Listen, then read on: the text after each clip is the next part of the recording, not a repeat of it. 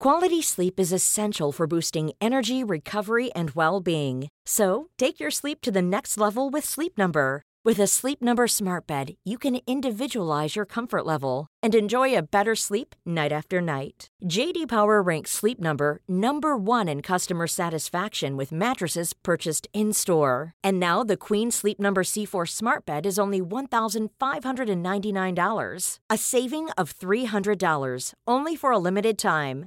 For JD Power 2023 award information, visit jdpower.com/awards. Only at Sleep Number stores or sleepnumber.com. Getting engaged is a moment worth cherishing. A one-of-a-kind ring that you design at Blue Nile can help your love sparkle. Just choose your diamond and setting. When you found the one, you'll get it delivered right to your door. Finding the right engagement ring can be nerve-wracking. At Blue Nile, you'll have the expert guidance needed and a diamond guarantee that ensures you're getting the highest quality at the best price. Cherish all of life's moments and save up to 30% at BlueNile.com. That's BlueNile.com. Du lytter til en podcast for 30.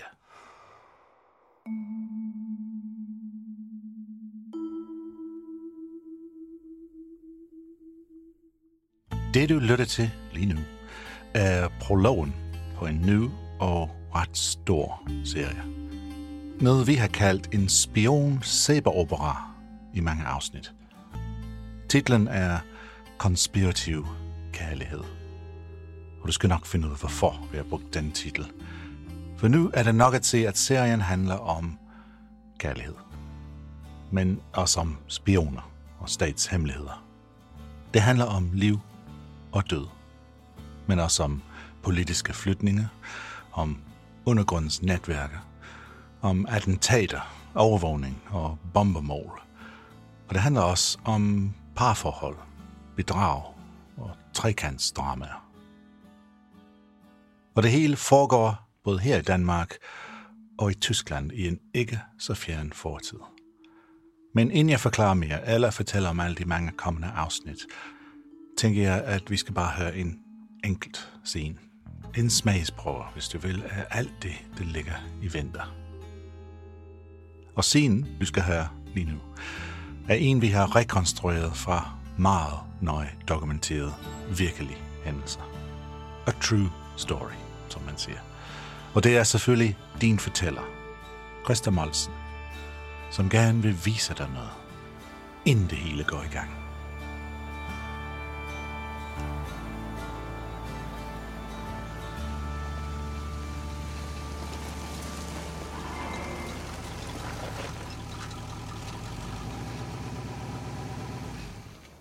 Der er lige et sted, jeg skal vise dig, før vi går i gang med den her historie. Det er det sted, hvor hele den her historie begynder, faktisk. Et lille hotel, der ligger langt ude på landet. Et stykke ind i en stor skov. Det er sen aften, og skoven er mørk. Men vi kan lige skimte lyset fra hotellet mellem træerne. Det skinner ud gennem de draperede hvide gardiner, der er trukket for alle vinduerne derind. Hotellet er et gammelt, fint bindingsværkshus i tre etager med stråtag. Der er et skilt over døren. Hotel und Restaurant Hof Ruhlstoffer Bæk står der med svungne bogstaver. Det her er det, der på tysk hedder en Hof. En kro med restaurant i nederste etage, og så hotelværelse ovenpå. Hvis vi åbner hoveddøren, træder vi direkte ind i hotellets reception. Det er sent, så receptionen er tom, bortset fra en mand, der står bag disken. Det er kroejeren. Han har brede skuldre, en åben skjorte, hår på brystet. Han er midt i 40'erne. Muskuløs, med mørke øjne, smalle læber og en stærk kæbe. Han ser lidt barsk ud. Men han er også en flot mand.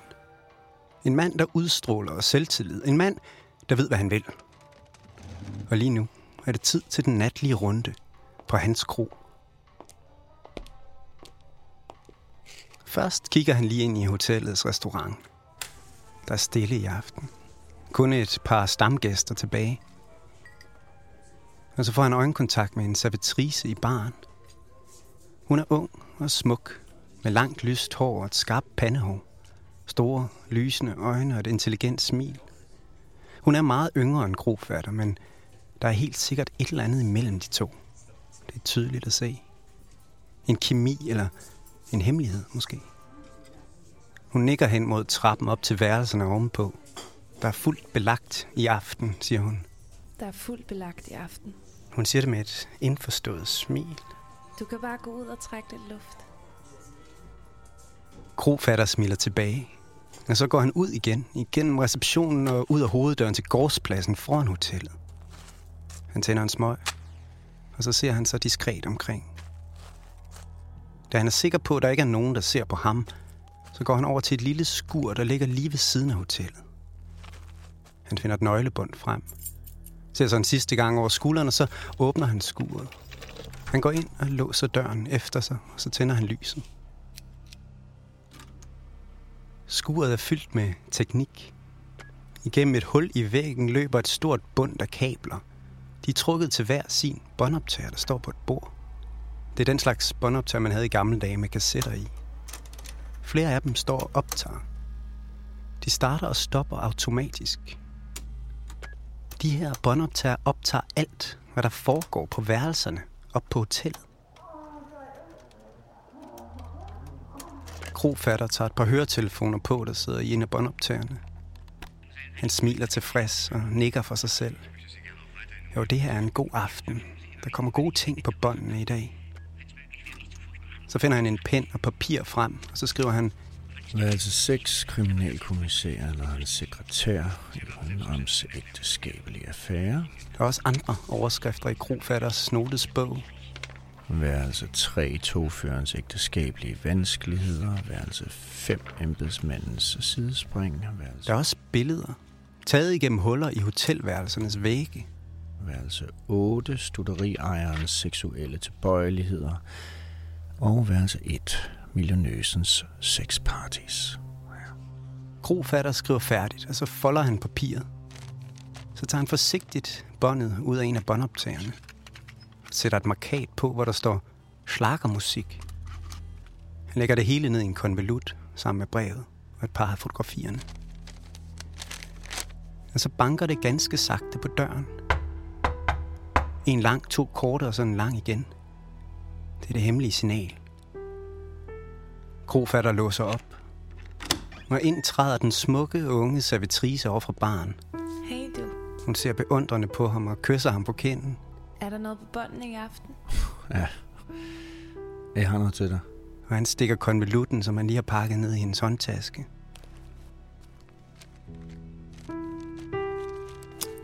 Hmm. Jeg kører i nat, så kan jeg være tilbage hos dig om et par dage. Pas på dig selv. Farvel. Og så åbner han galant døren. Hun skrider hen over gårdspladsen og forsvinder i mørket, mens krofatter står og ser efter hende.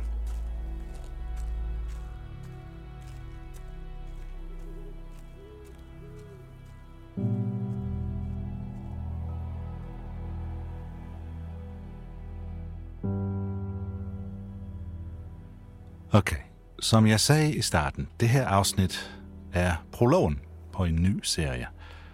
Og det bliver nødt til at høre det første kapitel af serien for at finde ud af, hvem de her karakterer på hotellet er, og hvad det egentlig er, de har gang i. Hvorfor de aflytter alle deres gæster. Det første kapitel ligger allerede klar til dig nu, og jeg skal nok fortælle dig, hvordan du kan høre det i slutningen af programmet her. Men inden du hopper frem, kunne jeg godt tænke mig at give dig lidt mere er et setup til hele serien.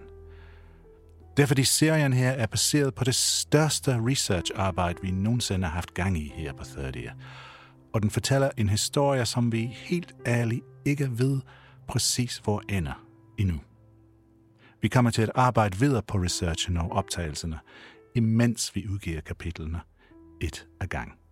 Men for at forklare, hvor vi er lige nu i processen, og som sagt for at sætte det hele op til dig, skal jeg lige skifte over til min anden mikrofon her og gå ned til Christer, som har kontor lidt længere ned ad gangen. Men øh, vil du banke på den? Kan du ikke lige... Øh... Jeg banker lige på igen og lader som om det hele er totalt spontant. Christer? Hej til. Hej Christer. Kom ind. Ind i det helligste. Det hellige. Hvad vil du? Øhm, jeg kan godt tænke mig, at du forklarer mig det hele. Alt. Ja, jeg er ved at drukne i øh, tyske dokumenter lige nu. Så fed. Lad os bare for at gøre det enkelt, fortæl mig, hvor det hele begyndte. Det hele, øh, altså, det begyndte faktisk lige der, hvor Operation Romeo ender. Øh, altså den sidste serie, vi lavede. Mm. Da jeg sad nede på Stasi-arkivet i Berlin og lavede interview med, øh, med ham, eksperten vi har dernede fra i, i Operation Romeo. Da jeg var færdig med at interviewe ham om Operation Romeo, så spurgte jeg ham, og det gør man altid, når man er færdig med at interviewe sådan nogle mennesker, om øh, hvis, der nogen, hvis der kommer andre historier op af den slags.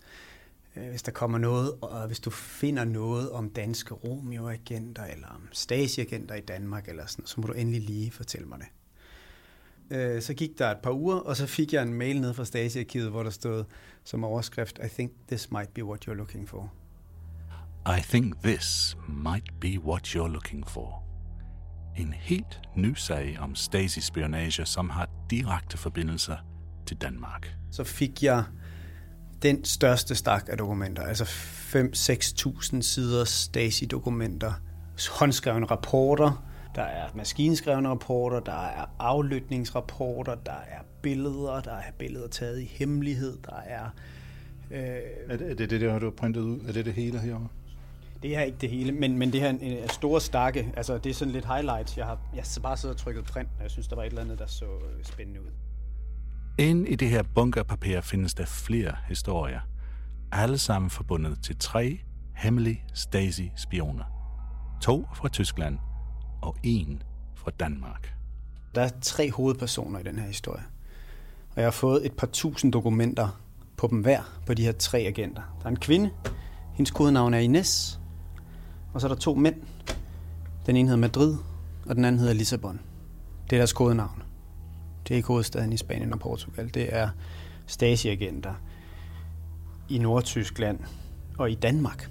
Der er beskrivelser af overvågninger af et dansk undergrunds flygthjælpenetværk, der i al hemmelighed hjælper folk til at flygte fra Østtyskland, organiseret igennem kirker og præster. Og så her. Det her er nogle billeder taget af en kirke ude i Nordvest, altså her i København. Og man kan se, at der står en præst på billederne her og ryger ude foran kirken. Så han er blevet overvåget af de her agenter på et eller andet tidspunkt i den her historie. Der er militær efterretninger, som ligner noget, der skal bruges til at planlægge en invasion af Danmark i tilfælde af krig mellem øst og vest. Så er der et hus i Lohals på Langeland. Altså ifølge de her rapporter, der er, de, der er det ved at blive øh, bygget om til at være en kommandocentral, hvis Danmark skal invaderes af østtyske tropper. Og en, en radiocentral, som han er en, en funksløjse, som det hedder. Men en radiocentral, som, øh, så, så, så de kan kommunikere. Altså, så det er sådan et, det, de kalder et fremskudt støttepunkt. Der er beskrivelser af planlagte attentater. En af de her agenter, han øh, overleverer forskellige våben til andre Stasi-agenter, som de skal bruge operativt, hedder det. Der er en masse store ting, men også en masse småt. Næsten utrolig små detaljer om ting som Tupperware og campingvogn. Så er der nogen, der har prøvet at købe en campingvogn her. En, øh, en operativ campingvogn, kalder de det i Stasi-sprog. Det her, det her det er, er gardiner og nipsgenstande, som hun prøver at overtale Stasi til, at de skal købe til hende. Den blanding af storladende geopolitiske begivenheder og en helt almindelig dagligdag. En dagligdag med små problemer, frustrationer og menneskelig fejl. Og så senere hen er der billeder hjemme fra deres hjem, hvor det er blevet hængt op.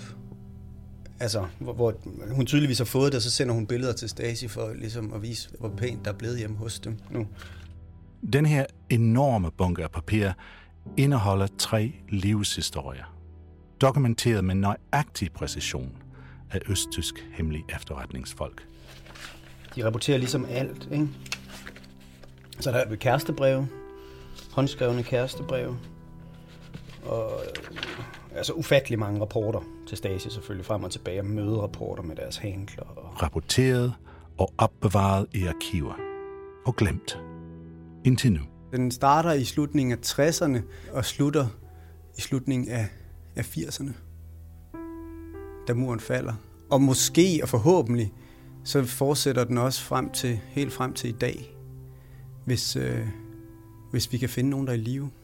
Nu ligger det hele på Kristes skrivebord og venter på, at vi begynder at travle op i den her historie.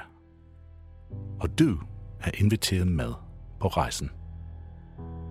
Det er rapporter, hvor der står altså, sådan afskrevet præcist, hvad der bliver snakket om på de hotelværelser sent om aftenen, efter folk har drukket en hel del. Rejsen begynder i det lille gennemaflyttede hotel, vi hørte om i starten. Et eller andet sted ude i skoven i Tyskland. Men vi ved ikke, hvor det vil ende. Jeg står her for eksempel. Skal vi tage til Hamburg i morgen? Ja, hvorfor ikke? Geräusch von Geschlechtsverkehr, ikke? Lyden af samleje. Eller kønstrafik, som det hedder på tysk, ikke? Og dermed slutter prologen til serien Konspirativ Kærlighed. Men, men, men, men, hvis du gerne vil høre det næste kapitel i dag, lige nu, stay tuned, og jeg skal nok fortælle dig, hvordan. Kapitel 1 er derude allerede nu, og hvis du gerne vil høre den med det samme, er der to måder, du kan gøre det på. Den første er, at du kan bruge vores egen app. Appen hedder nu Third Ear Podcast. Lige før hed den Naujo, men vi har omdøbt den, så nu hedder den bare Third Ear Podcast. Samme app, bare et nyt navn, som folk kan huske.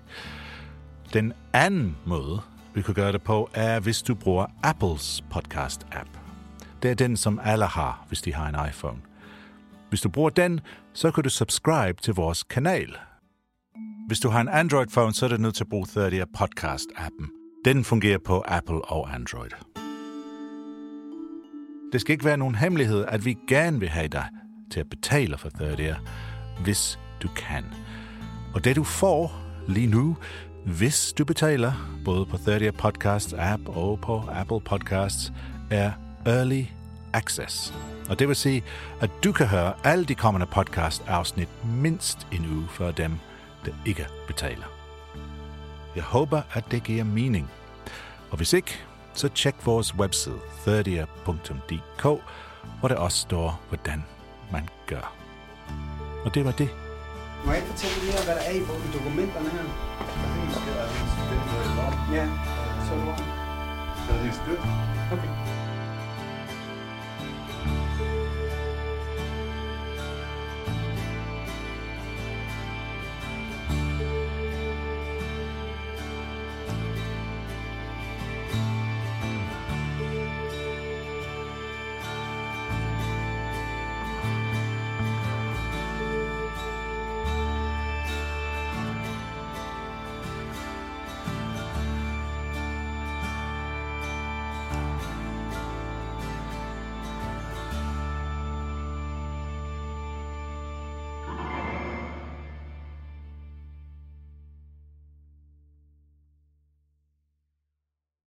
Kom med på en rejse fra Colombia til Vendsyssel med guder, advokater og en vampyrblæksprutte.